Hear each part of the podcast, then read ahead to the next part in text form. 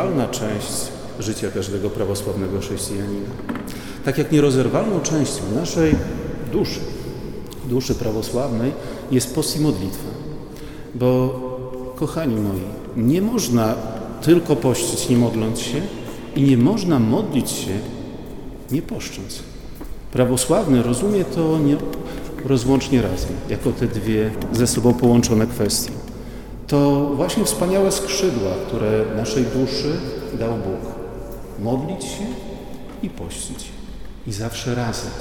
To nie chodzi o to, abyśmy się wyrzekali wszystkiego, tak naprawdę bardzo surowo podchodzili do tego naszego e, życia, mm, jeżeli chodzi o wstrzemięźliwość od jakichś zbytkowych rzeczy, pokarmów, ale tak naprawdę to takie proste zrezygnowanie z jednego programu w telewizji na koszt jednej dodatkowej modlitwy.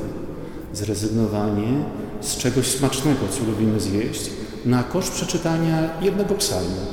To wszystko daje nam możliwość rozwijania się duchowego i pomaga podążaniu za Bogiem. No ale tutaj, tym podążaniem za Bogiem, oprócz tych wspaniałych, uniesionych skrzydeł, które otalają naszą duszę jako post modlitwa, potrzebujemy coś, co ułatwi nam kontakt z Bogiem, naszym Zbawicielem, Jego Matką i Świętymi. Tym naszym pośrednikiem, tym skarbem jest ikona.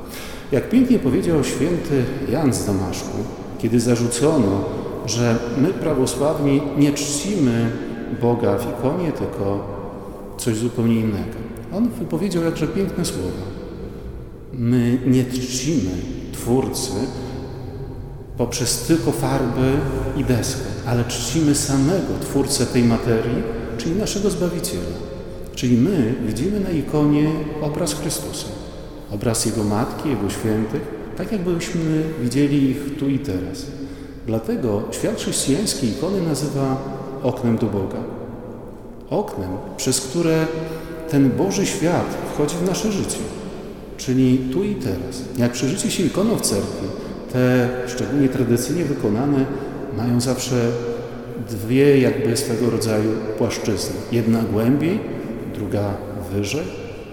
I wedle tradycji to, co w środku, to Boży świat, ale nie zamknięty w ramach. Ta zaś zewnętrzna ramka symbolizuje świat nasz, dzisiejszy, doczesny.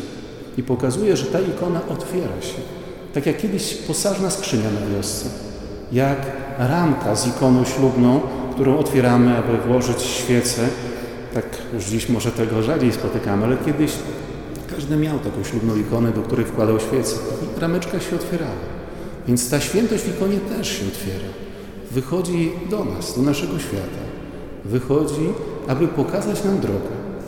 Okno otwiera się na świętość, ale żeby do niego wejść, musimy otworzyć drzwi postem, modlitwą i naszym dobrym życiem, dobrymi uczynkami. To nas określa jako prawosławnych chrześcijan. Właśnie ta dobroć. Zwróćcie uwagę, że w Starym Testamencie Żydom, którzy byli krąbrni, twardego karku, jak słyszymy to w Piśmie Świętym, Bóg daje dziesięć przekazań. Nam, w chrześcijaństwie, daje jedno i mówi, że wystarczy. Przekazanie nowe daje wam. Miłujcie się nawzajem, jakoż i ja was umiłowałem. Czyli to miłość nas określa jako prawosławnych chrześcijan. Ta miłość podszykać, jak w imię Świętej Trójcy. A miłość to nie tylko bycie dobrym człowiekiem w stosunku do siebie, najbliższych, obcych. Miłość określa się jako miłość do Boga w modlitwie, w rozmowie z Nim. Bo komuś by się wydawało, że jakże ciężko stawać na kolana, modlić się godzinę, może i więcej, ale wystarczy, że przez minutę, gdzieś w wolnej chwili pracy, w samochodzie, w autobusie, czy w domu, rano, gdy wstaniemy, jeszcze w łóżku, czy już gdy kładziemy się spać, pomyślimy o Bogu. I to już jest dobry początek na modlitwę. Bóg nie mówi, że módl się cały czas, bo wie, że na początku to niewykonalne. Mówi, próbuj ze mną rozmawiać, próbuj się modlić, a ja będę przy Tobie. Modlitwa to wspaniały dar, który rozgrzewa nasze serce. To dar od Pana Boga, aby być z Nim blisko. Bo co nas określa jako prawosławnych? Określa nas uczestniczenie w nabożeństwach, przyjmowanie światowo pryczastia, świętej Eucharystii, ale to wszystko nie dzieje się bez modlitwy. Nie tylko tej w cerkwi, która jest najważniejsza, ale tej domowej.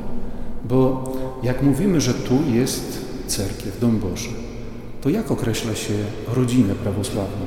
Mała cerkiew.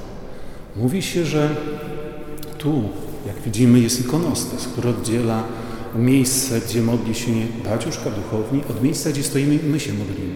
Ale z tego ołtarza wynoszona jest największa dla nas radość, pryczaść, Eucharystia, która powoduje, że jesteśmy razem, tu i teraz z Chrystusem i ze świętymi. Więc mamy tutaj dużą cerkiew, wspólnotę wszystkich nas, jak tu jesteśmy, czyli wielką prawosławną rodzinę. Ale gdy wrócimy do domu, tam jest ta mała cerkiew, nasza rodzina. Mąż, dzieci, wnukowie, czy nawet jeżeli ktoś już tak się zmieniło w życiu, że mieszka z rodzeństwem, to też jest ta sama rodzina. Bo to jest nie tylko mieszkanie razem, ale wspólne uczestniczenie w tym życiu również duchowym. Dziś troszeczkę ta modlitwa domowa niestety ma się dużo gorzej niż kiedyś. Podobnie też, jak i z ikonami w naszych domach. Temat bardzo piękny i szeroki. Połączenie modlitwy domowej i ikon, które mamy w naszych domach. Jeżeli chodzi o ikony, o miejsce ikony w naszym domu, należy o tym pamiętać, bo to pytanie bardzo często zadawane mi jest jako ikonografowi, czy e, osobie, którą często ludzie kojarzą po prostu z monasteru supraskiego. Zawsze odpowiadam, że ikona w naszym domu powinna mieć godne miejsce. To nie znaczy, że ma być jakieś koniecznie tu, koniecznie w tym miejscu. Nie o to chodzi. Ikona ma być potraktowana godnie. Nie ma czegoś takiego, moi drodzy, jak wieszanie ikony w toalecie, jak mieszanie ikony w korytarzu, bo ikona ma mieć miejsce, gdzie możemy stanąć przed nią i rozmawiać z Panem Bogiem. Godne miejsce. Kiedyś usłyszałem taki smutny, smutną opowieść, ale to w zasadzie osoba nieprawosławna, hmm, chyba protestant, który kupował ikony e, rosyjskie jako forma takiego ulokowania pieniążków. To człowiek mieszkający w Niemczech. I wiecie, gdzie on te ikony wieszał? W toalecie. Bo jak był w toalecie, to lubił im się przyglądać. Przyglądał im się, mówił rok, dwa, trzy, pięć, ale w pewnym momencie, gdzieś po wielu latach, stwierdził, że nie jest w stanie patrzeć na ikony w tym miejscu. No, nie da rady. I miał tak silne przekonanie, że musi je stamtąd zabrać. Gdy przewiesił je do salonu, uspokoił swoje serce. Od razu zrobiło mu się lżej. Zobaczcie, nawet dla osoby wydawałoby się niewierzącej w ikony, bo protestanci raczej ikon nie czczą. Traktują je jako element dekoracji duchowej, ale nie czegoś świętego.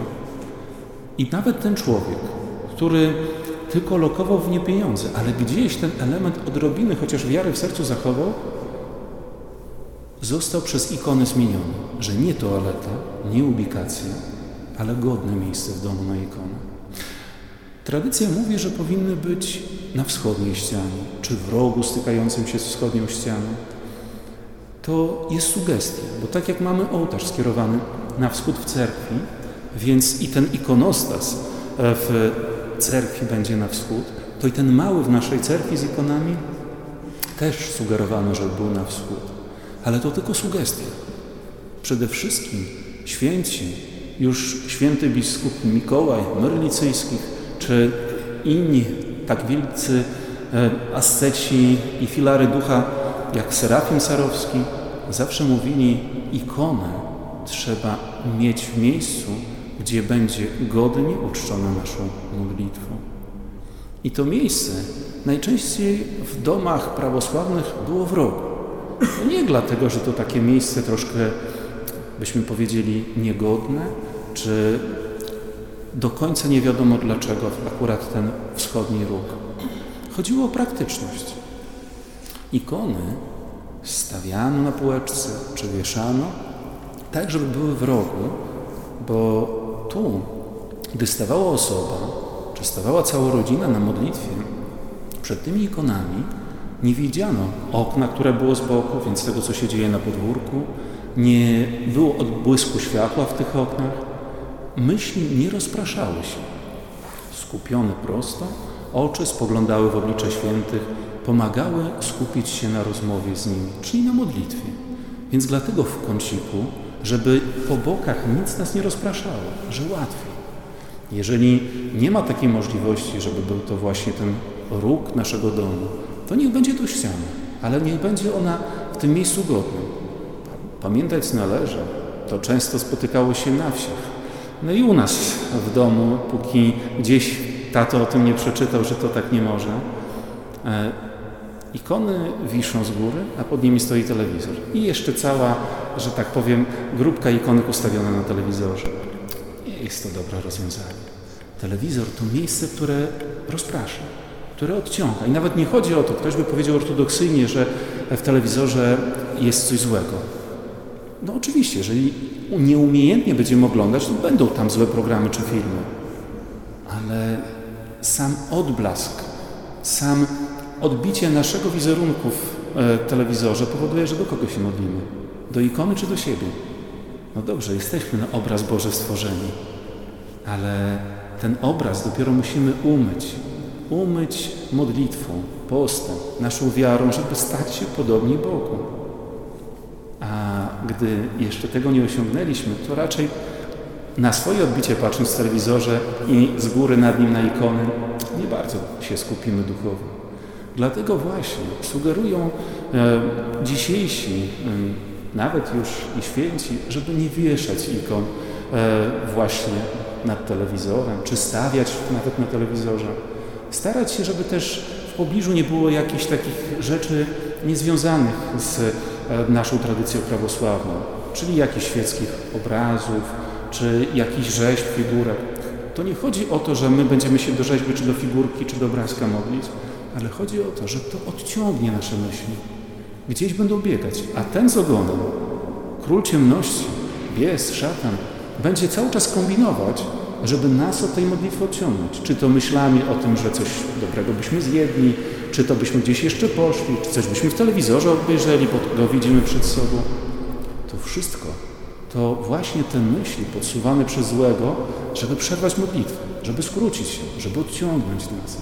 I dlatego lepiej, kiedy w pobliżu nie ma tego, co nas będzie kusiło. Czyli żeby to miejsce z ikonami było takim właśnie pięknym i godnym. Jak tradycji starej słowiańskiej, naszej prawosławnej, nazywa się miejsce modlitwy? Język polski jest ubogi. Nie określi tego tak ładnie, jak starosłowiański. To miejsce z ikonami zawsze nazywano święty ucholok, krasny ucholok, szczególnie krasny. To nie znaczy, że czerwony, jak się to dziś może by kojarzyło z historią ze wschodu, z minionych jeszcze dziesięcioleci. Nie. Słowo krasny to piękny, to najwspanialsze, najładniejsze, najszlachetniejsze. W języku staroruskim, czyli tym jeszcze starocerkiewnym, słowo krasny odnosiło się tylko do czegoś, co jest najpiękniejsze i nie w takim pojęciu czysto ludzkim, ale duchowym, transcendentnym, takim z innego świata. Czyli zawsze pochodne od słowa krasny jest krasiwej, czyli najpiękniejsze. Więc to nieprzypadkowe słowo. Więc miejsce modlitwy w domu to miejsce najpiękniejsze. To miejsce, gdzie jest Bóg i Jego święci. Więc słowo piękny, krasny, czerwony jak najbardziej pasowało. U nas, w naszej tradycji tutejszej podlaskiej, często nazywano to było światy ucholok, czy krasny ucholok, ale tak samo i gwarą mówili pokut, bo pokut to nie, czy po białorusku bardziej pokuć, to nie tylko miejsce, gdzie stawiano zmarłego przed ikoną, bo to najczęściej nam się tak na wsi kojarzy, ale to również miejsce, gdzie my stawaliśmy nasi przodkowie przed ikoną w domu. Piękna historia świętego kąta, szczególnie na wsi. e, zachowała się jeszcze do dziś, można ją spotkać, w niektórych jeszcze wsiach, choć już niestety zanika. Jak przychodzi ktoś starszy, taki naprawdę osoba żyjąca życiem cerkiewnym. Ja jeszcze to pamiętam, że jak przychodziły jakieś starsze panie do rodziców, ja jeszcze jestem tym pokoleniem z wioski, z czego jestem dumny, e, to pierwsze co robili, dopiero później, po wielu latach, doczytałem tego w książkach.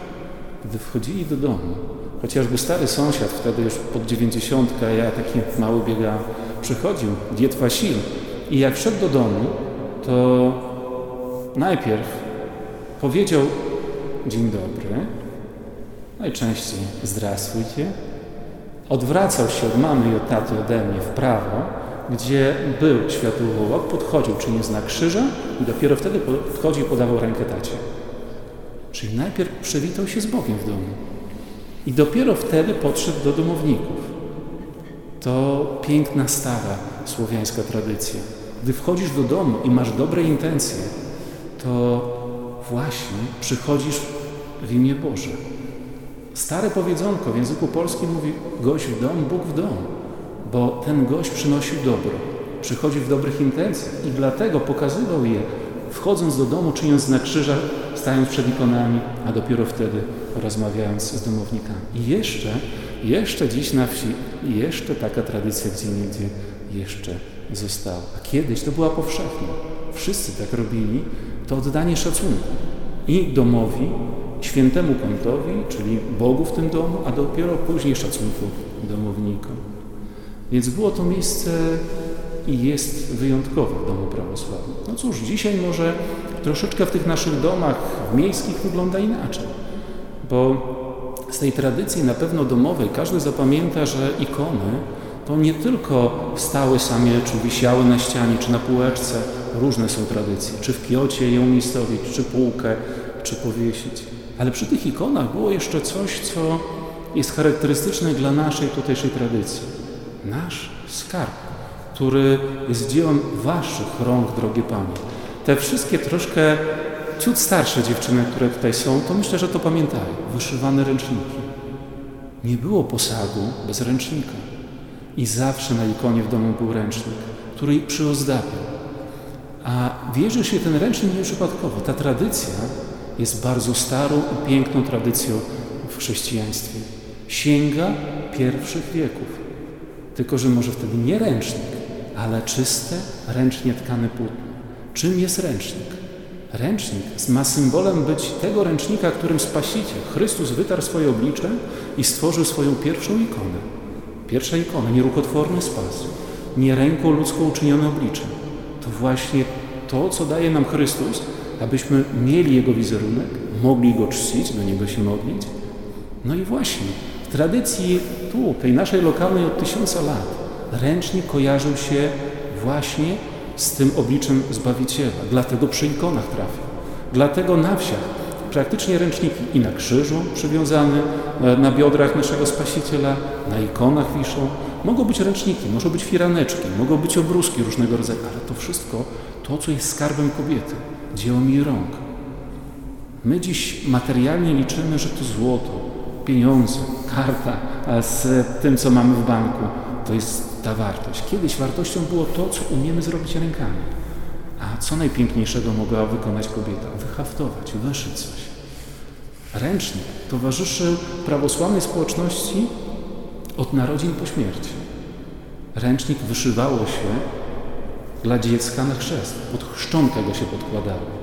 Później, gdy to dziecko żeniło się, to ten ręcznik kładziono pod nogi.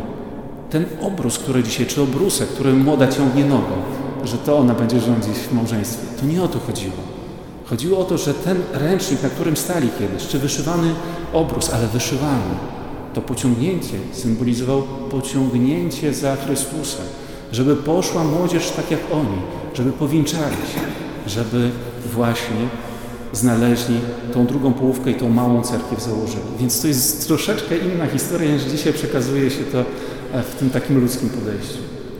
Gdy ta osoba z kolei odchodziła z tego świata, ręcznikiem związywano ręce, gdy składano tą osobę do trumny. Dziewczyna, która nie miała ręczników, znaczy się nie była nic warta i mało kto ją chciał na wsi. Jeżeli miała tych ręczników dużo wyszytych, nie tylko pościeli ręczników, to znaczy, że zdolna. Znaczy, że i wyszyje do domu, i wyszyje do cerkwi. Więc warto taką było wziąć za żonę. Dlatego ten ręcznik był elementem życia od narodzin po śmierć i elementem wiary.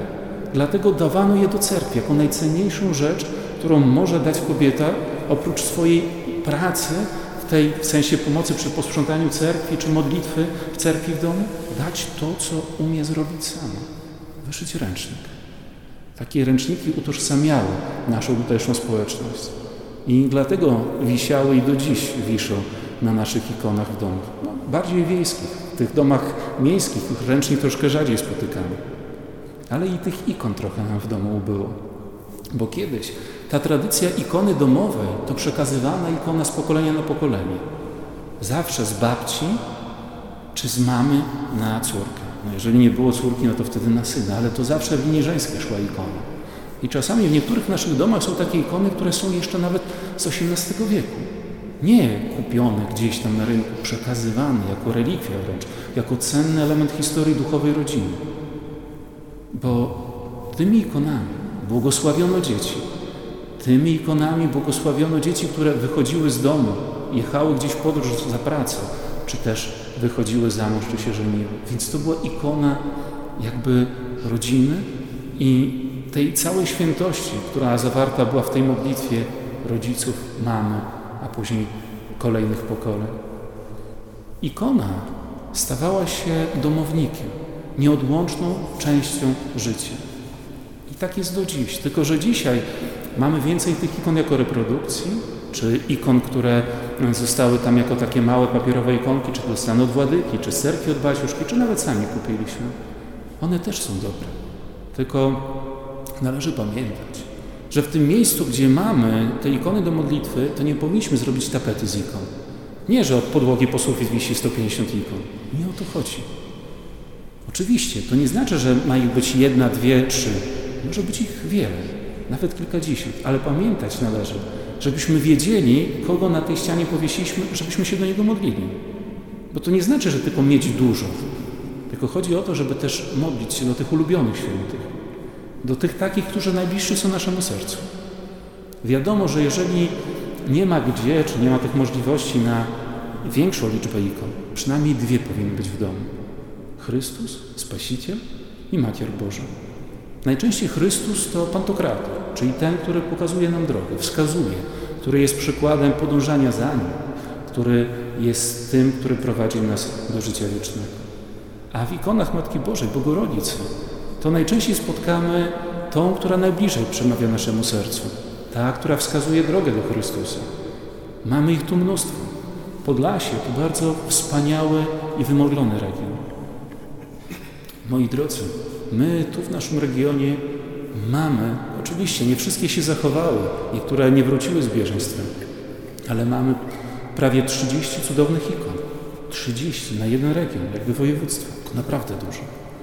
Więc i w domu powiesimy Białostocką, i Supraską, i Bielską, i Różanostocką, i wiele innych. To te, które bliskie są naszemu sercu. Więc przynajmniej te dwie powinny znaleźć się w naszym domu. Spasiciel i Bożeja Matka, Chrystus i Matka Boża.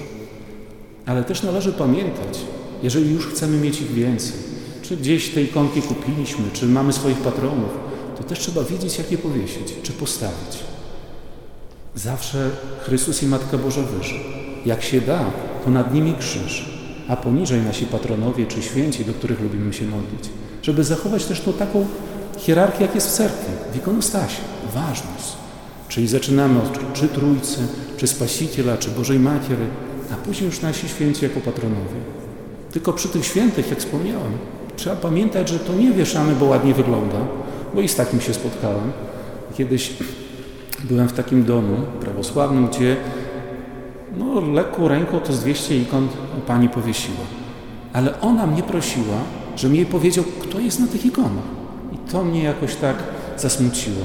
Ona je powiesiła, poprzyklejała ładnie, dekorowała kwiatami, bibułkami, ale ona nawet nie wiedziała, kogo tam ma. To znaczy, że tak naprawdę powiesiła je dla dekoracji, czysto swojej przyjemności, a nie do modlitwy. Bo ten, kto się modli, to wie, do kogo się modli. Wie, kogo powiesił tej ikonce czy postawił, bo wie, że akurat ten święty bliski jest jego sercu, że chce do niego się pomodlić. W tym kąciku modlitwy, w świętym holku, krasnym holku, nie ma miejsca też na takie dekoracje, które będą tylko określały to miejsce jako ładne, czyli jakieś kwiatuszki, jakieś tutaj bibułki. To przykład właśnie czegoś nie do końca właściwego takim kąciku, gdzie są ikony. Nawet jeżeli tylko wiszą na naszej ścianie bez półeczki, co najczęściej spotkamy? Palmy, wierzby, które tam przez cały rok przy tych ikonach się znajdują. To jest ich miejsce.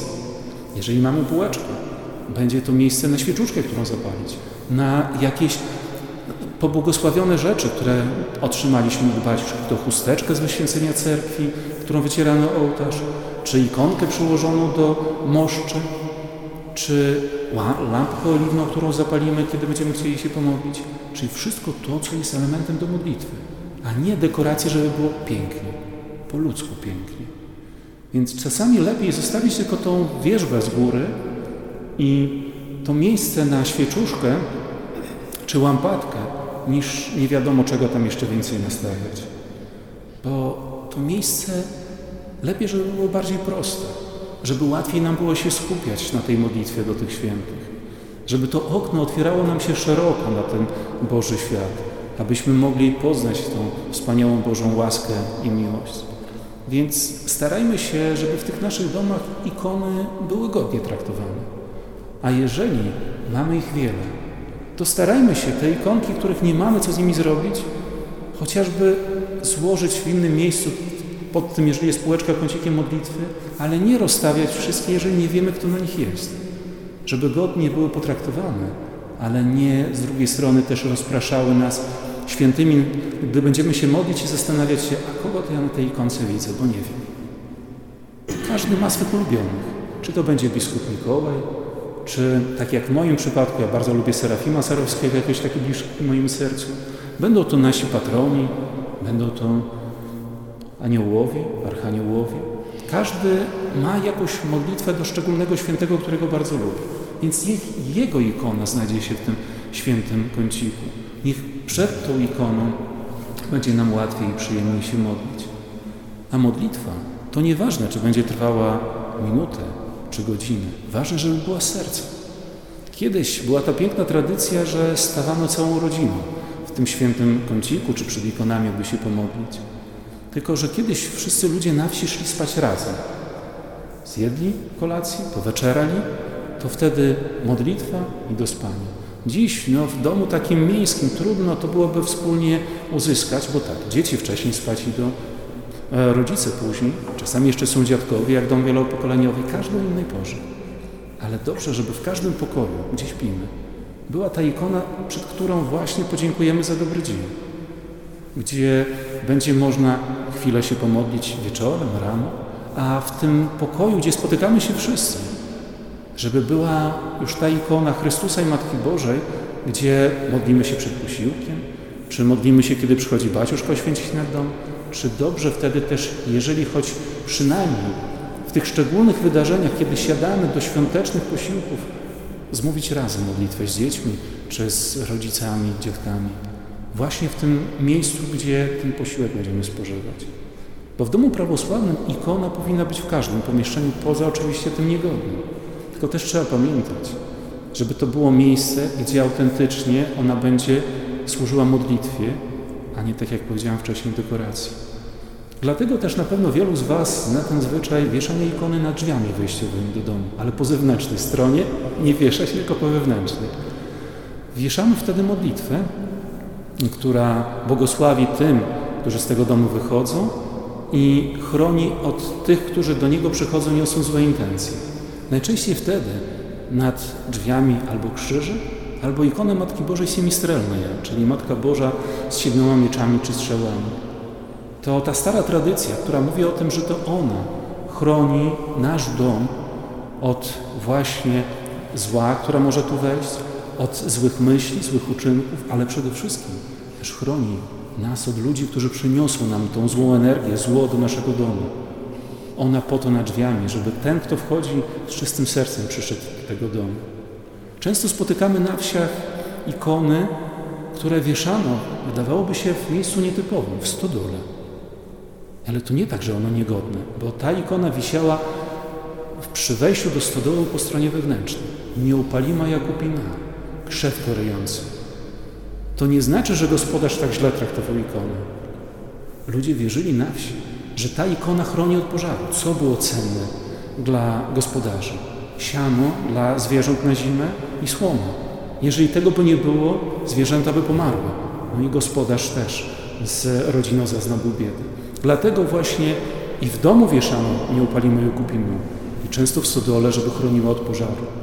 To piękny zwyczaj, który zawierzał wszystko Bogu. Bo co nas otacza dziś, troszkę tego brakuje. Całe nasze życie, od narodzin po śmierć, to życie podążania za Chrystusem. To pięć minut tylko tutaj w stosunku do wieczności, kiedy będziemy z Chrystusem.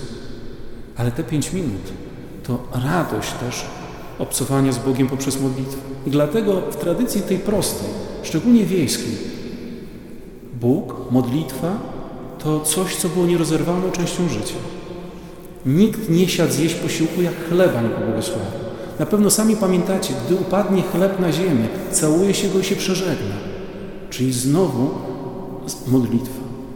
Kiedy wychodzono na pole, to błogosławiono znakiem krzyża. Przed siewem, przed pracą. Kiedy jedliśmy posiłek na polu, również trzeba było choć krótką modlitwę odmówić, żeby spożyć ten posiłek. Więc ta modlitwa towarzyszy nam cały czas, bo to jest nasza tożsamość. To bycie prawosławnym to bycie w modlitwie. A ta domowa w małej cerkwi, przed małym ikonostasem jest szczególna, bo wtedy modlimy się za tych, których kochamy, za naszą rodzinę, za najbliższych, ale też w tym miejscu dziękujemy Panu Bogu za dobry dzień i za tych ludzi, których danego dnia spotykamy. To właśnie określa naszą wiarę. Podziękowanie. Dlaczego tak bardzo lubimy tą piękną pieśń, bo właśnie sława Bogu za wszystko, i za skorb, i za radość. Czyli dziękować umiemy jako prawosławni za wszystko. Traktujemy to jako dar Boży. Jeżeli trudno, Gospodzi, wytrzymam, Ty ze mną. Jeżeli dobrze, to tym bardziej Ci podziękuję za to, że Ty mi tą radość dajesz. To nie powinno też tak być, że w modlitwie tylko modlimy się, kiedy jest nam źle i smutno. Radościami też dzielimy się z Panem Bogiem, bo to właśnie jest piękne, że możemy o wszystkim Mu opowiedzieć. Ta piękna historia ikony najbardziej widoczna jest w życiu dzieci. Jako ikonograf nie tylko pisze ikony do cerkwi, dzisiaj również i do kościołów, dla ludzi, do ich domów. Ale najpiękniejsze jest uczenie pisania ikon. Bóg dał mi talent, który staram się nie zakopać, dzielić się z nim na ile potrafię, ile sił mi wystarczy. Uczyć kolejne pokolenia, żeby, jeżeli mogą, to pisały ikony, albo przynajmniej zrozumiały, jak cenne dla nich w prawosławie jest ikona. A kogo najwspanialej uczyć? Nasze dzieci. Bo to w nich jest przyszłość cerkwi. Nie na darmo Chrystus powiedział, bądźcie jak dzieci. To one są przyszłością nas wszystkich i naszych rodzin, a przede wszystkim naszej cerkwi prawosławnej. Jeżeli dzieci zrozumieją, czym jest ikona i modlitwa, to będą tym żyły. Nawet jeżeli rodzic zapomni, nawet jeżeli katecheta tego nie dopowie, to ono nauczone modlitwą przed własną ikoną będzie to czynić. W wielu domach, które odwiedzałem, gdzie były dzieci, które uczyłem pisać ikony, widziałem, gdzie ta ikonka wisi. Na środku pokoju dziecięcego gdzie widać, że przed tą ikonką często te małe dzieci rysunki swoje e, z świętych robią i stawiają. Czyli już taki mały człowiek, mający 8, 9 lat, tworzy swój kącik do modlitwy. To jest najpiękniejsze. I to dziecko autentycznie przed swoją ikoną codziennie czyni znak krzyża. Niech nie będzie to długa modlitwa. Takie po prostu. Wstało rano, dziecko przeżegnało się. Czy przyszło przed snem, przeżegnało się przed swoją ikoną. Czyli to uczy sama czy sam wykonałem. Jest to moja ikona, ale jak to pięknie kiedyś powiedziała jedna dziewczynka. Panie Janku, to mój Chrystus. I on mnie słyszy, jak się do niego modlę. Mój Chrystus. To najpiękniejsze stwierdzenie dziecka. Mój. Więc to dziecko czuje to, stworzyło ikonę. Niech to nie znaczy, że te dzieci będą pisać ikony, czy im wychodzi, ale chodzi o tą radość tworzenia i wspólnej pracy i modlitwy i błogosławieństwa, które z tą ikoną trafia do ich domu. Jest to wspaniała rzecz, bo to one zaczynają od tych swoich tak naprawdę pierwszych świadomych lat modlitwy, po pierwszej spowiedzi, rozumieć, że ta ikona daje dla nich taki piękny kontakt z Bogiem. A często przez te dzieci, to też bardzo ciekawe, zauważyłem, że i rodzice zaczęli się modlić. No niestety, to nie znaczy, że ci rodzice niewierzący, czy, czy jakoś nie chcą się modlić. Biegamy, biegamy, biegamy. Ten świat dzisiejszy to bieganie. Szybko, szybko, wszędzie szybko. I jak tak szybko, to i później się okazuje, o, już trzeba iść spać, a tu i czasem i, i kolacji się nie zjadło, czy, czy już nawet czegoś jeszcze się nie zrobiło, bo już późno. A i o modlitwie się zapomniało. Ale jeżeli ten rodzic zobaczy, to dziecko idzie spać i stanie przed tą ikonką, czasami nawet i na kolanka i podziękuje Bogu za dobry dzień, to wtedy i ten rodzic się opamięta. To ja się też pomodlę. Skoro ona ma czas, czy ono, to ja też. Więc to one nas uczą. Więc to dzieci niosą to dobro, jeżeli je nauczymy, to i nam później będzie, nawet jak zapomnimy, to piękne przypomnienie, jak się modlić. I że w ogóle trzeba się modlić. Bo bez modlitwy nasze życie będzie puste. Tak jak powiedziałem na początku, dusza ma dwa skrzydła. Jeżeli jedno będzie opuszczone, bez modlitwy czy bez postu, to, to, to jest puste. Więc gdy jest i post, i modlitwa, to wtedy wznosimy się do Boga. Tymi malutkimi kroczkami. Tak jak powiedziałem, zrezygnować z jednego programu na rzecz modlitwy, z, z jedzenia czegoś smacznego na rzecz przeczytania czegoś świętego. I to już jest piękny początek. Bo warto czasami obejrzeć, to zawsze młodzież zachęcam. Jest taki fajny przykład na post, my zawsze z dziećmi to oglądamy. Pryczty. Fajne pouczenia na Wielki Post, szczególnie dla dzieci. Tam jest pokazane, jak ktoś bardzo mocno chce pościć, że aż się rozchoruje. Jak bardzo chce się modlić, aż zaśnie w cerkwi, e, bo on chciał modlić się dłużej od innych, żeby pokazać, że on się tak modli. To właśnie nie o to chodzi. Czasami lepsza jedna minuta szczerego podziękowania Panu Bogu tej modlitwy, niż takie czytanie i nie wiemy czego czytanie. Bo czasami czytamy te modlitwy wieczorne, poranne, akafist, ale w pewnym momencie pewnie wielu z Was zdaje sobie sprawę, to ludzkie. Czytamy i się przełapujemy, że nawet nie wiemy, co czytamy. Myśli uciekają, a my robimy to mechanicznie. To też niedobrze. Lepiej przerwać wtedy i wrócić do tego za chwilę, albo w ogóle zostawić to e, i, i zrobić sobie taką dłuższą przerwę. Niech modlitwa będzie szczera i świadoma, a nie taka, że musimy coś po prostu, co sobie zaplanowaliśmy, odbębnić i zrobić to na zasadzie na siłę. To jak pięknie zawsze powtarzał Serafim Serowski. Modlitwa to ogień, który rozgrzewa naszą duszę. To ogień, który pozwala nam oczyścić się z grzechu. To ogień naszego zbawienia. Zresztą nie na darmo właśnie mówi się, że modlitwa jest ogniem serca. Aż tak wielką ma moc. Dlatego trzeba próbować się modlić, chociażby króciutko, a nie tylko zmuszać się modlić, bo wtedy dużo większe będą owoce duchowe tej dobrej, nawet krótszej modlitwy. A ikony w domu starajmy się mieć zawsze w miejscu godnym i takim, gdzie łatwo nam będzie stanąć przed nimi i się pomodlić.